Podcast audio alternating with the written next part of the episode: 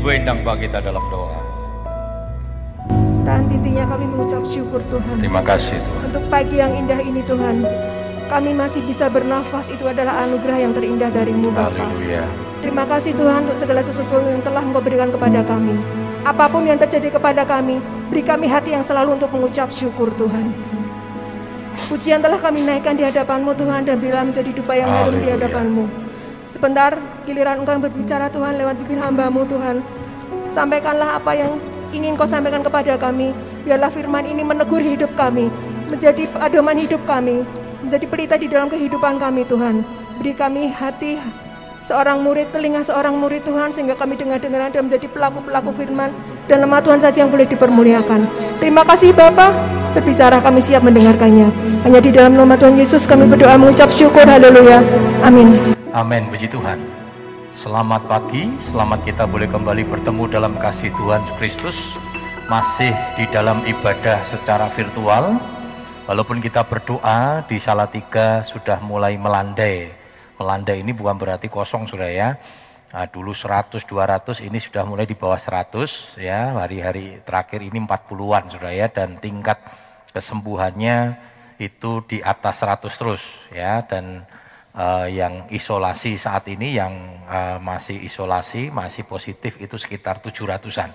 Ini bukan angka yang kecil tetapi masih angka yang besar, tetapi kita bersyukur karena Salatiga mengalami penurunan walaupun secara nasional eh, mengalami peningkatan ya. Kelihatannya PPKM ini akan dilanjutkan sampai bulan Juli ya, sampai bulan Juli. Karena itu kita terus berdoa, kita menantikan aja ke, eh, informasi dari pemerintah kalau sampai bulan Juli ya berarti kita akan terus mengadakan virtual sampai bulan Juli ya. Kita melihat bagaimana kebijakan pemerintah kita karena itu kita terus eh, menolong ya, ikut ambil bagian di dalam rangkaian untuk eh, mengatasi pandemi ini dengan tetap menjaga protokol kesehatan ya. Efek dari pandemi luar biasa Saudara ya kalau kita nonton di televisi dan sebagainya banyak yang sudah mulai lelah ya, tetapi inilah realita, inilah kenyataan dan inilah waktunya kita betul-betul berharap dan bersandar kepada Tuhan.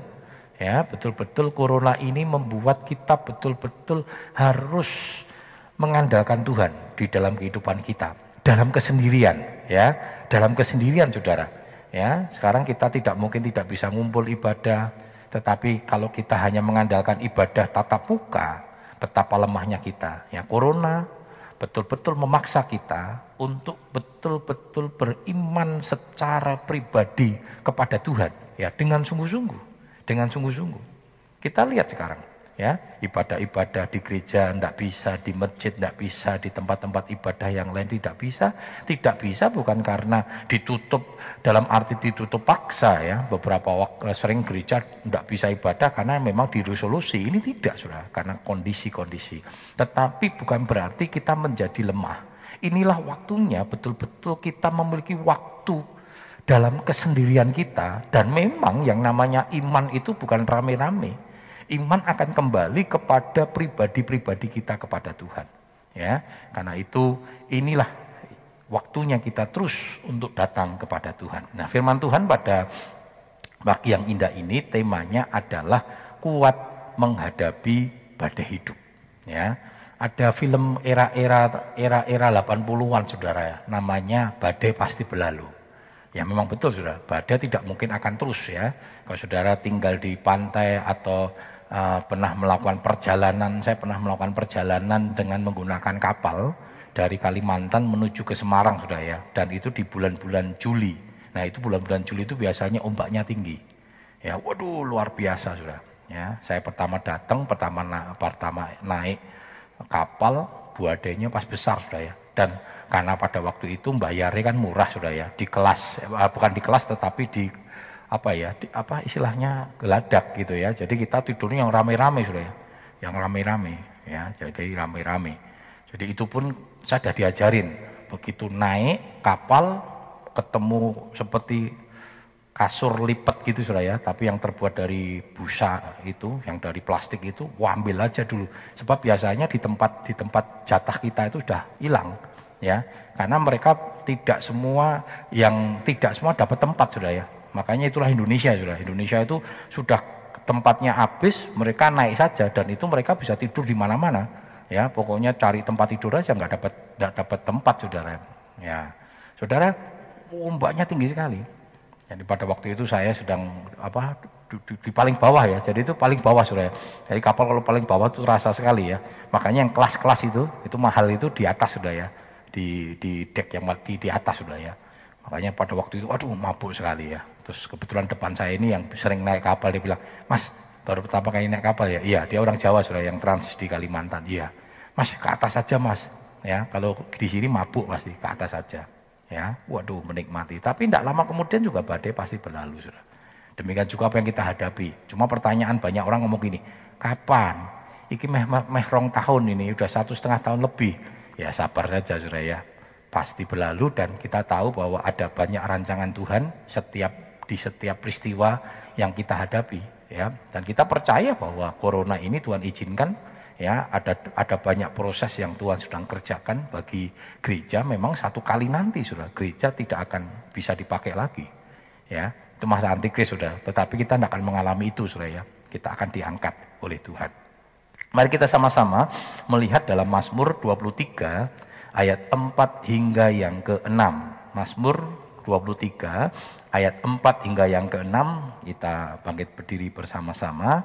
Kita akan baca ayat ini bersama-sama. Mazmur 23 ayat 4 hingga yang ke-6 dikatakan demikian firman Tuhan. Dua tiga sekalipun aku berjalan dalam lembah kekelaman aku tidak takut bahaya sebab engkau besertaku gadamu dan tongkatmu itulah yang menghibur aku. Engkau menyediakan hidangan bagiku di hadapan lawanku. Engkau mengurapi kepalaku dengan minyak, pialaku penuh melimpah. Kebajikan dan kemurahan belaka akan mengikuti aku seumur hidupku dan aku akan diam dalam rumah Tuhan sepanjang masa. Puji Tuhan, silahkan duduk. Luar biasa saudara, ini ayat yang kita sudah sering kali baca, kita kenal, kita akrab dengan ayat ini bagian dari Mazmur 23 ya temanya adalah Tuhan adalah gembalaku. Pernyataan uh, pernyataan Daud dalam dalam kitab Mazmur ini ya. Daud membuat sebuah pernyataan yang dia sampaikan dalam ayat yang keempat tadi sekalipun aku berjalan dalam lembah kekelaman aku tidak takut bahaya. Ya dikatakan sekalipun aku berjalan dalam terjemahan lama dalam bayang-bayang maut Ya, kita tahu bagaimana kehidupan Daud ini sering kali diperhadapkan dengan kematian sebenarnya, dengan maut. Berapa waktu dikejar-kejar oleh Saul ya, lalu pemberontakan ya. Jadi ada pemberontakan anaknya Absalom sampai direbut sudah ya. Daud harus menyingkir, ada Adonia dan sebagainya. Jadi Daud ini hidup dengan dengan betapa luar biasa dari sejak mudanya sudah ya. Dia berhadapan dengan maut. Tetapi dia berkata, Sekalipun aku harus berjalan dalam lembah kekelaman, dalam bayang-bayang maut, aku tidak takut bahaya. Kenapa? Dikatakan kuncinya adalah karena dia tahu Tuhan beserta dengan kita. Kata Tuhan beserta ini bukan kata-kata yang sederhana, sudah. Sebenarnya satu kekuatan yang luar biasa kalau kita boleh menyadari ada penyertaan Tuhan. Ya, kalau kita disertai dengan orang yang betapa kuat, betapa betapa hebat. Kenapa kita harus takut? Dan firman tentang penyertaan Tuhan ini kan berulang-ulang kita kita kita terima. Bahkan ketika Yesus lahir pun dikatakan namanya akan disebut. Namanya bukan bukan Immanuel, saudara. Dikatakan namanya akan disebut. Kenapa namanya disebut? Kata sebutan ini kan biasanya merupakan apa? Karya, saudara ya. Karya, ya karyanya apa? Banyak nama Agus di jemaat kita kan. Agus Sopo, Agus Pendeta, ah, berarti Agus Gembala, berarti saya saudara ya. Waduh, Agus ayam goreng, nah, saudara kan kira gitu ya. Pak Agus, Pak Agus Sopo ayam goreng, nah, saudara kan tahu kan. Ketika saya berkata Agus ayam goreng, saudara tahu mana? Agus Sopo, Agus bengkel, nah, saudara tahu semua saudara. Nama Agus banyak saudara ya. Nama Agus banyak, ya toh. Tetapi kita percaya bahwa Uh, seperti uh, Tuhan katakan ketika Yesus lahir dia katakan namanya akan disebutkan orang yaitu Ima Immanuel. Artinya apa? Allah beserta. Dan luar biasa saudara. Nanti kalau kita lihat di dalam pelayanan Tuhan Yesus selama tiga setengah tahun aja, penyertaan Tuhan Yesus kepada manusia kan luar biasa ya melalui kesembuhan, melalui pengajarannya, penyertaan Tuhan luar biasa, sudah. Bahkan ketika Yesus naik ke surga, murid-muridnya mulai khawatir karena selama ini mereka menjadi tenang karena ada penyertaan Tuhan dan Tuhan Yesus memberikan kekuatan, sudah. Ketahuilah, aku menyertai kamu sampai akhir zaman. Dan terus diulang-ulang sudah. Dalam kitab Ibrani pun dikatakan, Aku tidak akan pernah meninggalkan engkau, aku tidak akan pernah membiarkan engkau. Nah firman Tuhan itu betapa kuat Tuhan sampaikan kepada kita, tetapi berapa banyak sering kali kita ragu dengan penyataan Tuhan. Sebenarnya kalau kita tahu penyataan Tuhan, apa pun yang kita hadapi, badai sebesar apa pun yang kita hadapi. Masih ingat ketika murid-muridnya diterpa badai yang begitu besar, Yesus sedang tertidur. Lalu muridnya mem membangunkan Tuhan Yesus Kristus. Dan apa yang terjadi? Ketika Yesus tampil, dia berkata, diam, tenang sudah. Demikian juga dengan badai hidup. Kalau Tuhan, tetapi Tuhan izinkan ya. Kan Tuhan bisa saja izinkan bahwa murid-muridnya nggak mengalami badai itu sudah. Tetapi kita lihat, Tuhan izinkan badai itu terjadi. Tetapi Tuhan juga akan menenangkan badai itu, meredakan badai itu ya meletakkan badai itu karena Tuhan senantiasa menolong kehidupan kita Bapak Saudara setiap orang percaya akan menghadapi badai hidup yang diizinkan Tuhan. Nggak ada hidup itu lempeng Saudara. Nggak ada. Kenapa Tuhan berfirman aku menyertai sampai akhir zaman karena Tuhan tahu dalam kita menghadapi perjalanan hidup ini kita akan diper, diperhadapkan dengan berbagai macam persoalan berbagai macam masalah, berbagai macam badai hidup. Tetapi Allah kita Allah yang bertanggung jawab. Sehingga dia berkata, ketahuilah aku menyertai kamu sampai akhir zaman. Kenapa ada firman itu? Karena memang di dalam perjalanan hidup manusia nggak lempeng-lempeng. Kalau perjalanan hidup manusia lempeng ya Tuhan tidak akan sampaikan kebenaran firman Tuhan itu. Jadi badai hidup itu sudah terjadi sejak ya era-eranya Tuhan Yesus dan badai persoalan itu kan terjadi gara-gara manusia jatuh dalam dosa. Ketika ada di Taman Eden tenang hidupnya harmonis. Tapi dosa itulah yang sudah mengubah kehidupan manusia.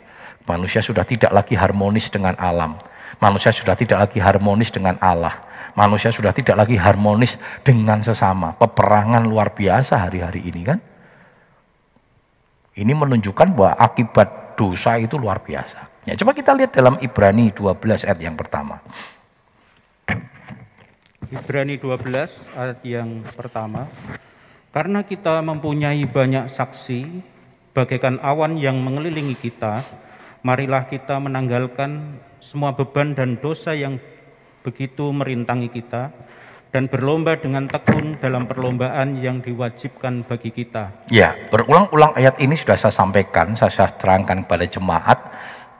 Uh, Ibrani 12 ayat yang pertama ini merupakan konklusi, kesimpulan dari Ibrani pasal yang ke-11. Nanti kalau kita lihat pasal yang ke-11 dikatakan tentang saksi-saksi iman ya, tentang tokoh-tokoh Alkitab ya dari Abraham, Yakub, Ishak dan sebagainya yang diceritakan di dalam Ibrani 11 tetapi apa yang sedang mau diceritakan melalui Ibrani 11 itu bahwa tokoh-tokoh iman ini, tokoh-tokoh Alkitab itu menghadapi badai-badai hidupnya masing-masing dan badai hidupnya berbeda-beda Sudah. Badai hidupnya Abraham, badai hidupnya Yakub, badai hidupnya Ishak itu berbeda-beda.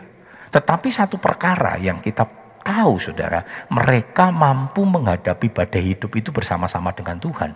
Dan nanti kita melihat ya Tuhan tidak pernah meninggalkan setiap umatnya, setiap tokoh-tokoh Alkitab itu di dalam menghadapi badai badai hidup. Saudara boleh punya badai hidup dan badai hidup saudara pasti satu sama lain berbeda-beda saudara.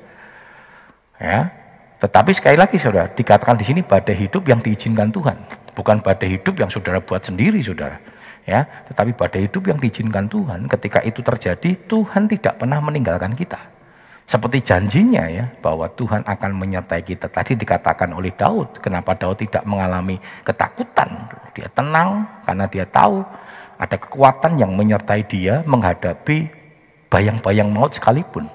Dia tidak pernah takut, saudara. Ya, saudara, bagaimana kita menghadapi badai hidup ini? Yang pertama, kita harus selalu mencari Tuhan di tengah badai. Ketika murid-muridnya menghadapi badai, dia cari Tuhan, dia bangunkan Tuhan. Ya, hari-hari ini memang kita dipaksa oleh kondisi ini. Seharusnya saudara, untuk kita mencari Tuhan. Tetapi ada banyak orang yang mencoba menghadapi kondisi ini dengan kekuatannya. yang nggak mampu, saudara. Hari-hari ini mari kita hadapi kondisi hari-hari ini dengan terus mencari Tuhan, mengandalkan Tuhan. Kalau kita mikirkan persoalannya, badai hidupnya, stres tuh saudara. Betul nggak saudara? Wah PPKM meneh. Orang untuk metu meneh, orang untuk dodolan meneh. Waduh, bagaimana, gimana, gimana, gimana. Semakin kita pikirkan gimana, gimana, saudara termasuk gereja kita. Waduh, orang untuk ibadah meneh, orang sing teko meneh, ki piye ku piye, ki piye ku piye. Enggak usah, Saudara, tenang-tenang saja. Banyak gereja-gereja yang memang mereka sedang waduh, banyak yang mengeluh, Saudara. Kami pimpinan-pimpinan majelis daerah banyak mendapatkan keluhan. Banyak yang WA, Om, sudah tiga, tiga minggu lo Om ora ibadah. Tidak bisa ibadah di gereja. Nah intinya opo sudah? Intinya orang no kolekte. Operasional kami harus jalan. Bagaimana om? Kami harus makan. Memang nggak bisa dipungkiri. Walaupun saya katakan, wis tenang wae lah. Percaya masuk Tuhan nggak bela. Tapi kan ya tidak semua percaya yakin bahwa Tuhan menolong. Tetapi kita percaya, saudara bahwa Tuhan tidak pernah meninggalkan kita. Amin. Bapak saudara saya yakin memang kita mengalami kondisi yang tidak baik. Ekonomi kita sedang kacau, bukan hanya Bapak saudara. Negara kita sudah, waduh kesulitan. Orang berkata lockdown, lockdown, negara tidak mampu. Karena lockdown itu sudah harus dikasih makan. Rasa kerja, karena tidak boleh kerja, saudara sudah dikasih makan. Bahkan ada yang tokoh berkata, dua bulan. Pokok yang penting masyarakatnya dikaik mangan, warek, kayak obat. Wah enak banget nek ngomong sudah. Buat ngasih makan ratusan juta masyarakat itu kan nggak mudah. Kekuatan keuangan kita dan mereka akhirnya ngomong nggak mampu. Kita nggak usah ngandalin manusia, manusia saudara. Nggak usah teriak-teriak kepada pemerintah. Walaupun kan ada janji kucuran dana sudah ya di Salatiga ini kalau nggak salah 300 di Jakarta 600 di keluarga kami di Jakarta dapat saudara ya karena tiga kakak ya jadi di mamah itu tiga kakak mamah kakaknya dewi tante kakaknya sendiri adik kakaknya dewi oh dapat beras ya telu tolong paket saudara Wah enak men, kok solo tiga orang itu arah salah saudara. Masih ingat bantuan langsung Tuhan. Kita ini BLT kita bantuan langsung Tuhan lebih dahsyat, lebih ajaib. Amin. Ora ana sing ngamen Saudara. Ya enak beras teko pemerintah ya enak 10 kilo Saudara.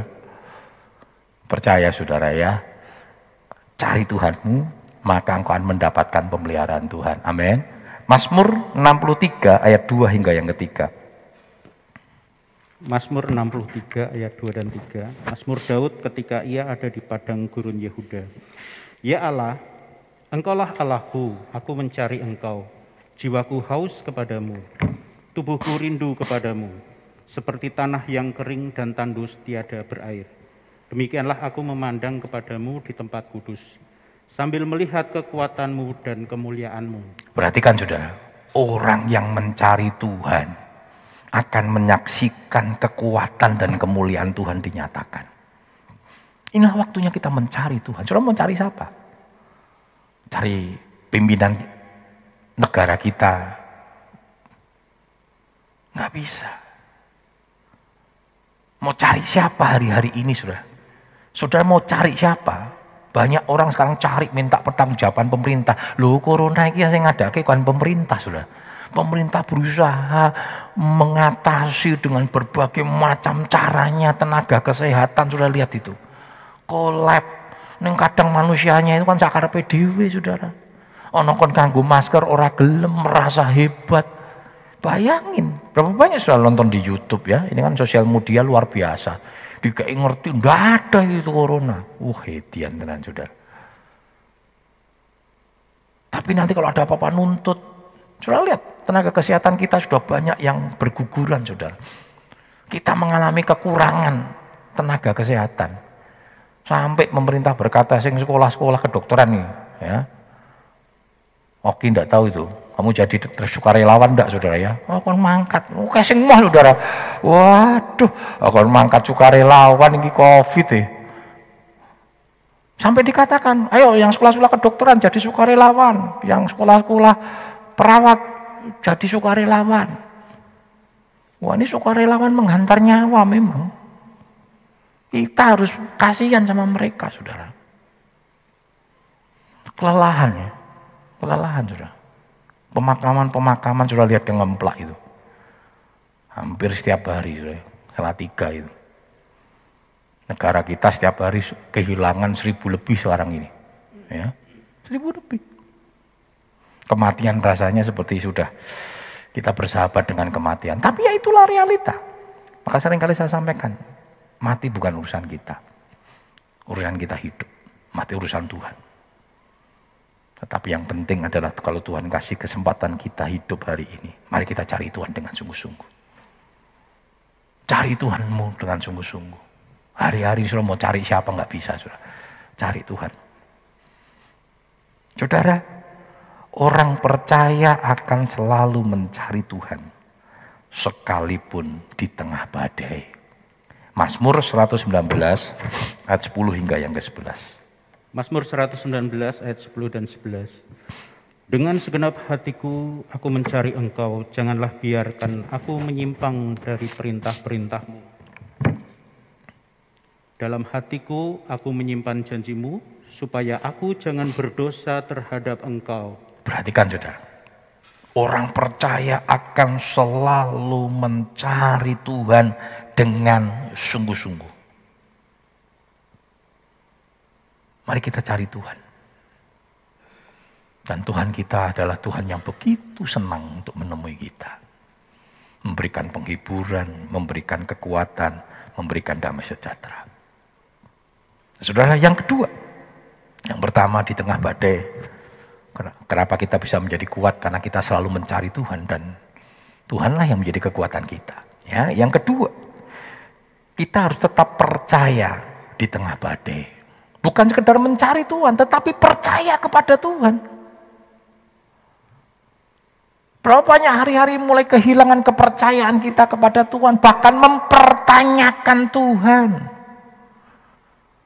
Masih ingat kata percaya kemarin, minggu yang lalu kan? Tidak menaruh curiga. Berapa banyak sering kali kita mempertanyakan Tuhan ketika kita harus menghadapi masalah. Lalu kita bertanya, Tuhan kenapa ini terjadi? Ini kan sama saja saudara tidak percaya kepada Tuhan, mulai mempersalahkan Tuhan. Menaruh curiga kepada Tuhan bahwa setiap persoalan yang tidak baik itu terjadi karena Tuhan yang punya pekerjaan begitu saudara. Percaya kepada Tuhan dengan sungguh-sungguh. Bahwa rancangan Tuhan itu indah. Yang penting bagaimana kita hidup tadi. Orang mencari Tuhan itu tidak menyimpang ke kanan ke kiri. Hidupnya lempeng, cari Tuhan terus. Kita minta supaya Tuhan selalu menuntun hidup kita. Ya, Coba kita lihat dalam Mazmur 62 ayat 2 hingga yang ketiga. Mazmur 62 ayat 2 dan 3. Hanya dekat Allah saja aku tenang, daripadanya lah keselamatanku. Hanya dialah gunung batuku dan keselamatanku, kota bentengku, aku tidak akan goyah. Perhatikan saudara. Ini pernyataan Daud karena Daud itu percaya. Ya kan? Daud ini luar biasa sudah. Mazmur 23 tadi berkata, sekalipun aku berjalan dalam lembah kekelaman, bayang-bayang maut sekalipun, Aku tidak takut bahaya. Ya, lalu dia berkata di sini, hanya dekat Allah saja aku tenang daripadanya lah keselamatanku. Terus cedak mbak Tuhan lu tenang, oh, dekatnya seperti apa saudara? Saudara kenal nggak Tuhanmu? Orang yang percaya dia tahu kenal Tuhan kita dan memperja, berani mempercayakan seluruh hidupnya kepada Tuhan. Walaupun hari ini mungkin kita masih melihat realita badai itu sedang menerpa hidup kita. Tapi kita percaya bahwa Tuhan akan melalukan setiap badai itu di dalam setiap kehidupan kita yang kita hadapi hari-hari ini. Itulah yang menjadi kekuatan Daud, saudara. Seperti saya sampaikan di awal tadi, Daud itu hidupnya penuh dekat dengan maut. Sepanjang hidupnya loh saudara. Makanya tangannya penuh dengan darah dikatakan oleh Tuhan sehingga dia tidak diizinkan oleh Tuhan untuk membangun bait Allah. Daud hanya mempersiapkan material-materialnya. Makanya bukan Salomo yang berjasa membangun bait, membangun bait Allah sebenarnya. Salomo hanya membangun saja, tetapi semua sudah dipersiapkan oleh Daud. Ya, luar biasa Daud ini. Makanya nanti kalau kita membaca dalam kisah itu, kisah Rasul dikatakan Daud ini orang yang berkenan di mata Tuhan. Bahkan dikatakan orang yang melakukan kehendak Allah pada zamannya. Zaman ini nggak pernah statis.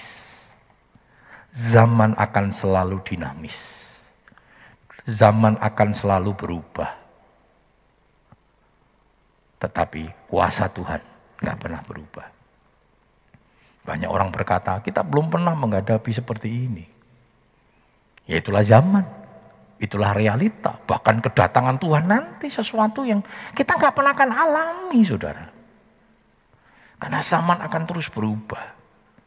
Tapi yang penting kuasa Tuhan tidak pernah berubah.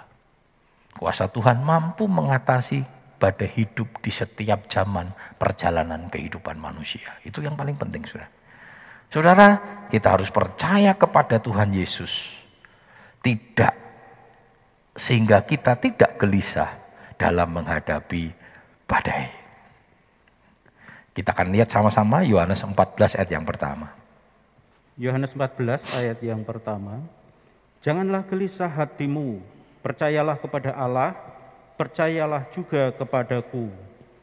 Orang yang percaya sama Tuhan, dia tidak akan gelisah, saudara. Dia tidak akan takut.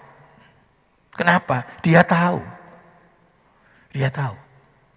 Maka dikatakan, jangan gelisah hatimu, percayalah kepada Allah, percayalah juga kepadaku. Menjadi pertanyaan kita, seberapa besar Bapak Ibu sudah percaya bahwa Tuhan Yesus itu mampu mengatasi dan melalukan badai ini.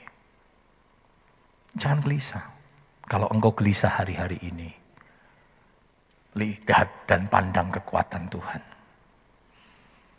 Ya. Firman Tuhan katakan apa?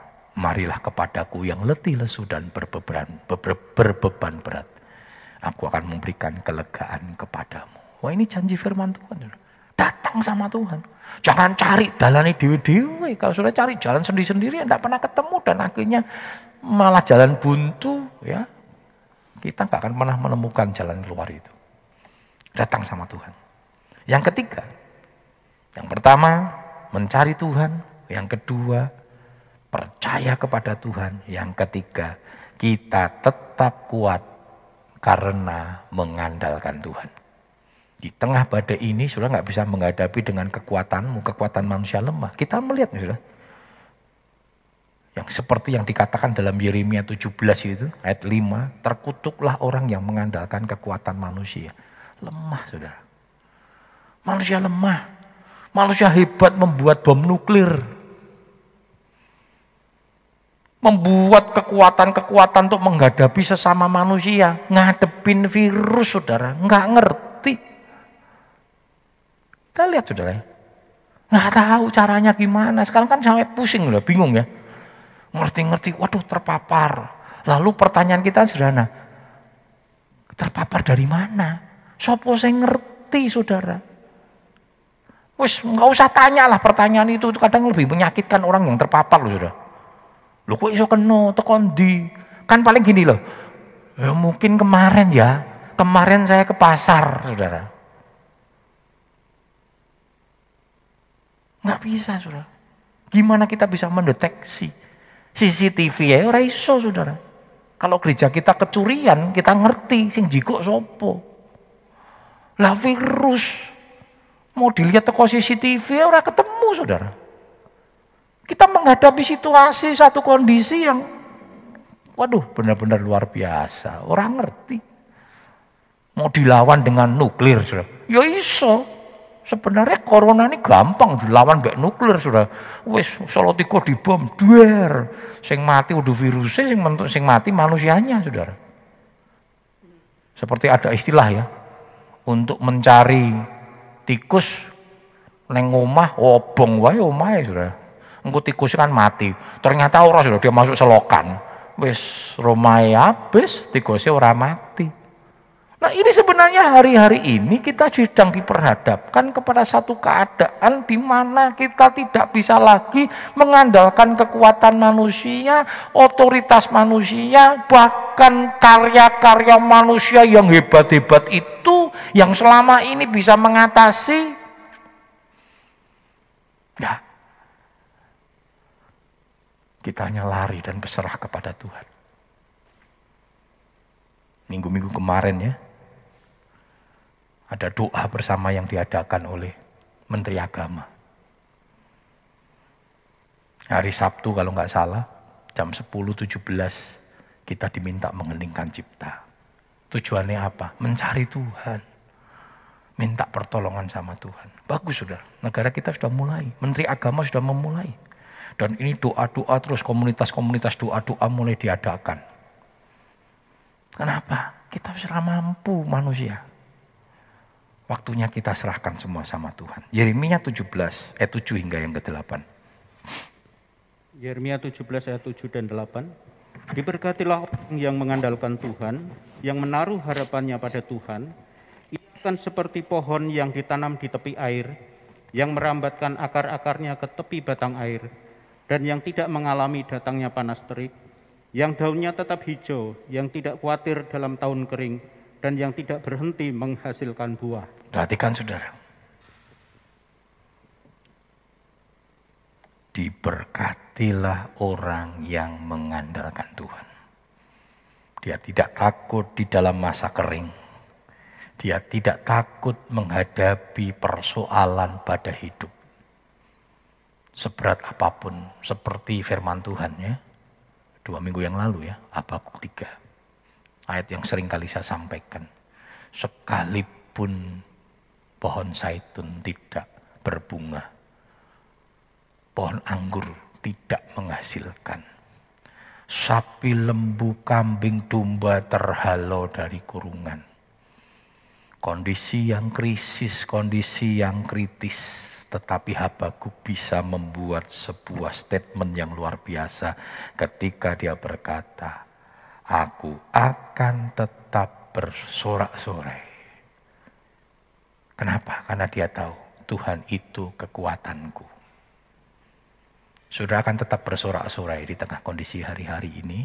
Kenapa saudara? Karena saudara percaya, seperti tadi, mencari Tuhan percaya sehingga pada satu titik kita tidak khawatir karena hidup kita ada di tangan Tuhan. Yang senantiasa memiliki rancangan yang indah. Saudara, orang yang mengandalkan Tuhan akan selalu dipelihara seumur hidupnya. Ini yang menjadi kekuatan kita. Dipelihara seumur hidupnya. Mazmur 23 ayat yang ke-6. Mazmur 23 ayat 6. Kebajikan dan kemurahan belaka akan mengikuti aku seumur hidupku dan aku akan diam dalam rumah Tuhan sepanjang masa. Perhatikan saudara kebajikan dan kemurahan belaka. Jadi artinya hanya kebajikan dan kemurahan sajalah yang akan mengikuti aku. Ini adalah orang yang percaya sama Tuhan, orang yang selalu mencari Tuhan. Dia akan dipelihara dengan kebajikan dan kemurahan Tuhan. Akan mengikuti kita. Loh om, tapi kan saya tetap menghadapi persoalan. Loh iya, tidak boleh lupa. Ibrani 12 tadi kan. Ingat Yusuf, Yusuf pun ada di cerita Ibrani 11 saudara. Yusuf ini kan persoalannya banyak saudara. Tapi ternyata persoalan demi persoalan yang dihadapi itu adalah merupakan bentuk kebajikan dan kemurahan yang sedang dikerjakan Tuhan, yang sedang mengikuti Yusuf sampai kepada kemuliaan yang luar biasa. Musa, Musa menghadapi persoalan saudara luar biasa. Banyak persoalan yang harus dihadapi. Enggak ada enggak ada enggak punya persoalan. Abraham juga banyak persoalan yang dihadapi. Tetapi persoalan demi persoalan itu merupakan bagian dari kebajikan dan kemurahan yang Tuhan izinkan terus mengikuti, menghentar kepada satu rancangan yang terindah.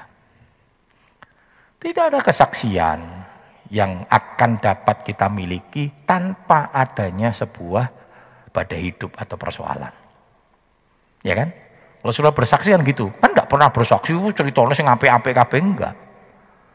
Makanya banyak orang akhirnya membuat kesaksian bohong sudah. Orang gelem rawani ngalami, tidak berani ngalami, tetapi pengen bersaksi.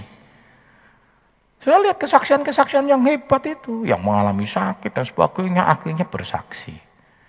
Menghadapi sesuatu yang luar biasa, yang Tuhan nyatakan.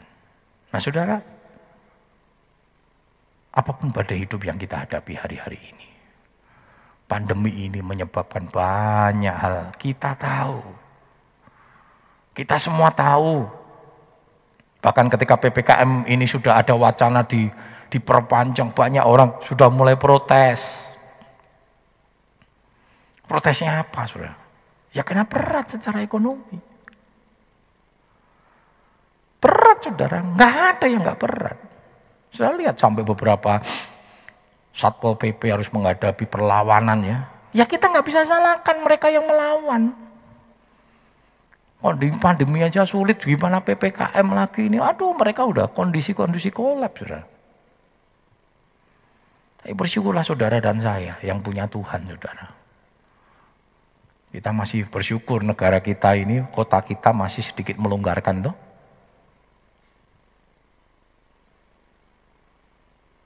Toko-toko masih bisa buka. Restoran pun tidak semua take away, sudah ya. Si iso mangan di tempat. Tapi mari kita jaga. Bantulah pemerintah kita. Untuk tetap protokol kesehatan. Sebenarnya penyakit ini kan gampang virus ini. Hanya bisa dihadapi kalau tidak terjadi kontak. Ya sekarang berkembang ya varian Delta ya.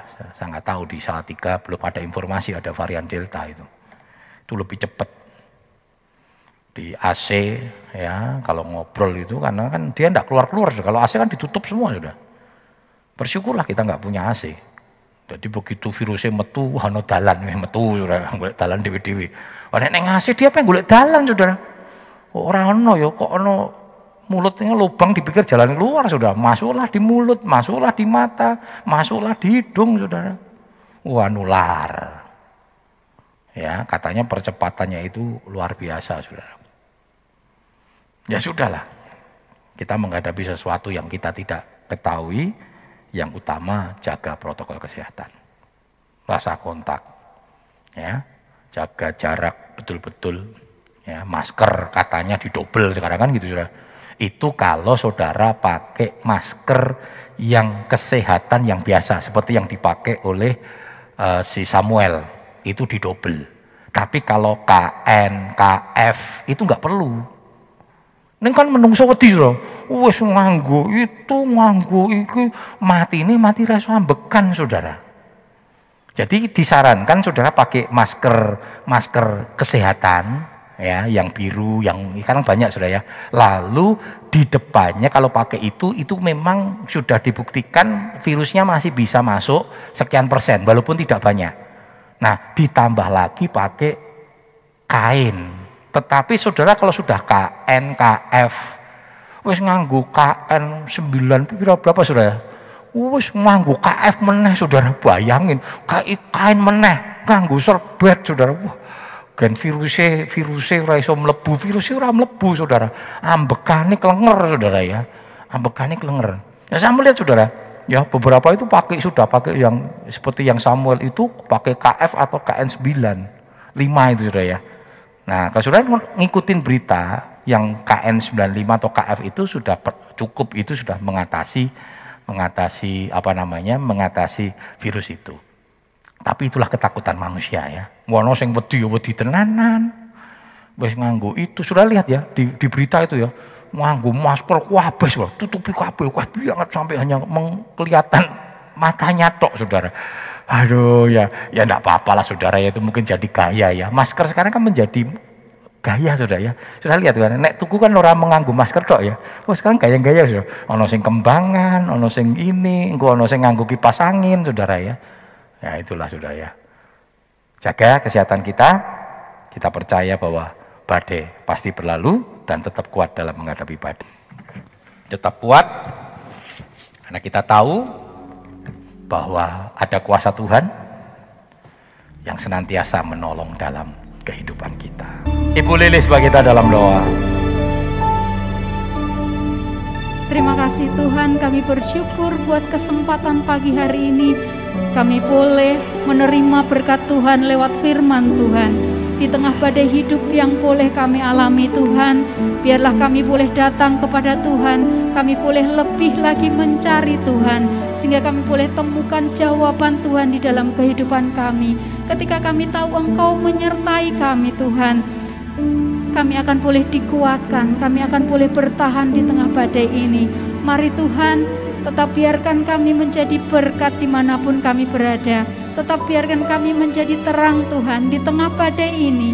Tuhan berikan kami kekuatan untuk bertahan. Tuhan berikan kami jalan keluar di tengah badai ini. Kami boleh serahkan kehidupan kami anak-anakmu masing-masing ke dalam tangan Tuhan. Terlebih kehidupan hamba-hamba Tuhan. Terlebih kehidupan hambamu di tempat ini Tuhan. Kami boleh serahkan semua ke dalam tangan Tuhan. Supaya kami boleh tetap kuat di tengah badai ini. Kami boleh tetap menyandarkan kepercayaan kami kepada Tuhan. Terima kasih untuk berkat Tuhan. Tanamkan firman-Mu di dalam hati kami supaya kami boleh lagi menjadi saksi Tuhan di tengah dunia ini. Terima kasih Tuhan Yesus. Kami boleh alaskan doa kami di dalam nama Juru Selamat kami yang ajaib Tuhan Yesus Kristus. Haleluya. Amin.